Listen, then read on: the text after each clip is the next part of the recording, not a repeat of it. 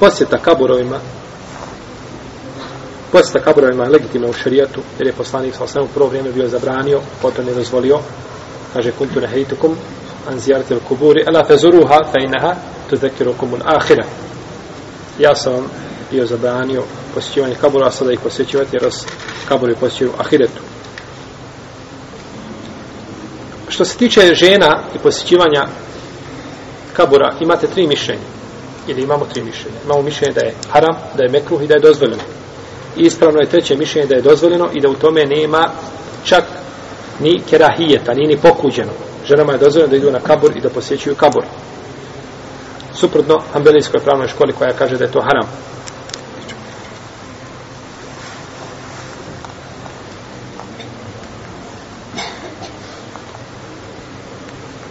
I to je jedan rivajet od imama Ahmeda da je dozvoljeno i to je stav Malika i nekih hanefijskih učenjaka. Imamo za to dokaza nekoliko.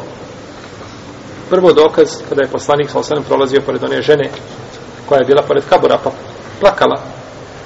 Pa kad je rekao poslanik sa osaneme, kaže, ilejke anni, bježi, kaže, tebe nije snašlo ono što je mene snašlo.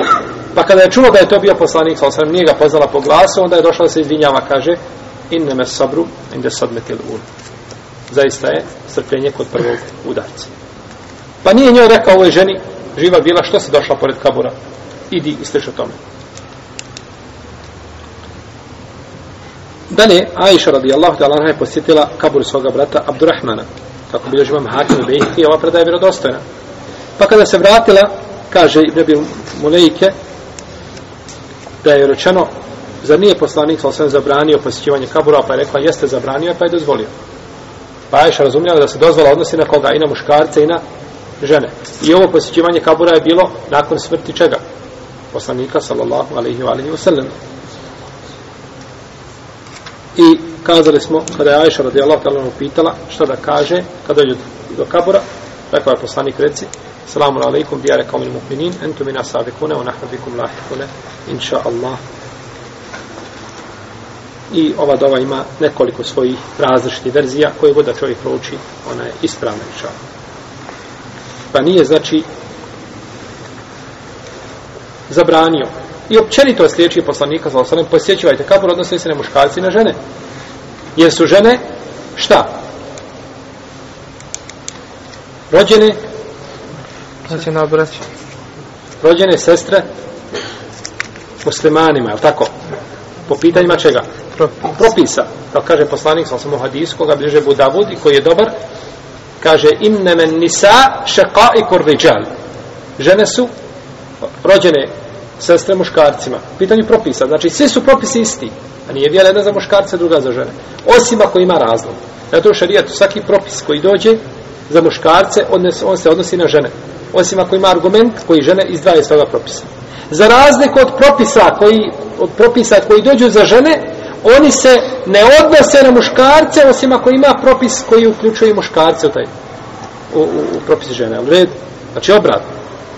Pa kad je propis za muškarce onda se odnosi i na, i na, i na žene. No međutim imamo hadis kod Ibnu Mađe i drugih koji kaže Kada Allahu zevaratil kubur. Allah je prokleo žene koje posjećuju kaburove. Ovaj, ovaj hadis znači on je izazvao razilaženje među lemom. Imamo jedno proklestvo, imamo vamo dozvol. Pa kaže, on je dokinuo.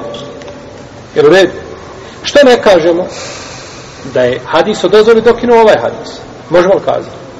Možemo, jer nema, ne znamo kada je jedan kazan, kada je drugi kazan. U redu da znamo. Hadis koji proklinje žene koje posjećuju kaburove, on je kazan kasnije. Nakon dozvola.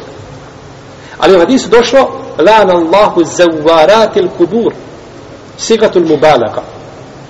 A to su znači žene koje pretjeruju u posjećivanju kaburova. Nije rekao za i ratel kubur. Žene koje posjećuju, nego kaže za rat koje stalno posjećuju kaburove. One su proklete. Jer njima je to, jer za očekivati je kada žena stalno ide na kabur šta?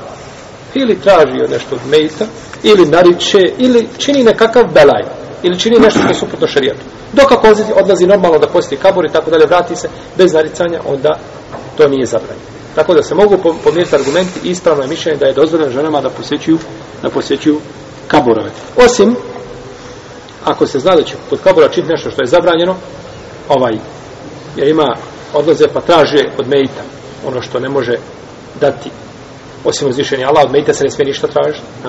Od čovjeka živog se smije tražiti ono što ti može dati.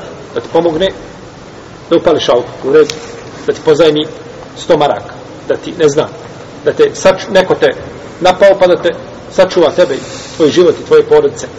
To živi ti može možda pružiti. A od mrtvog ne smiješ ništa tražiti. A od živog samo ono što ti smije dati.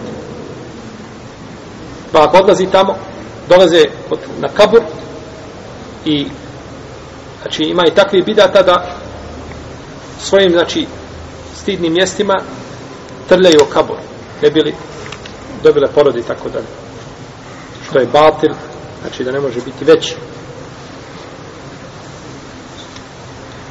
ako se čini znači pored kabura ono što je zabranjeno to je svakako onda znači svakako nije dozvoljeno ženama da idu na kabur. I nije dozvoljeno da ide na kabur razgolićena, u redu. Znači vidjet ćete u mini suknici stane pored kabura i uči fatihu. kakva fatiha živa bila? Ti zuna prvo da se pokriješ.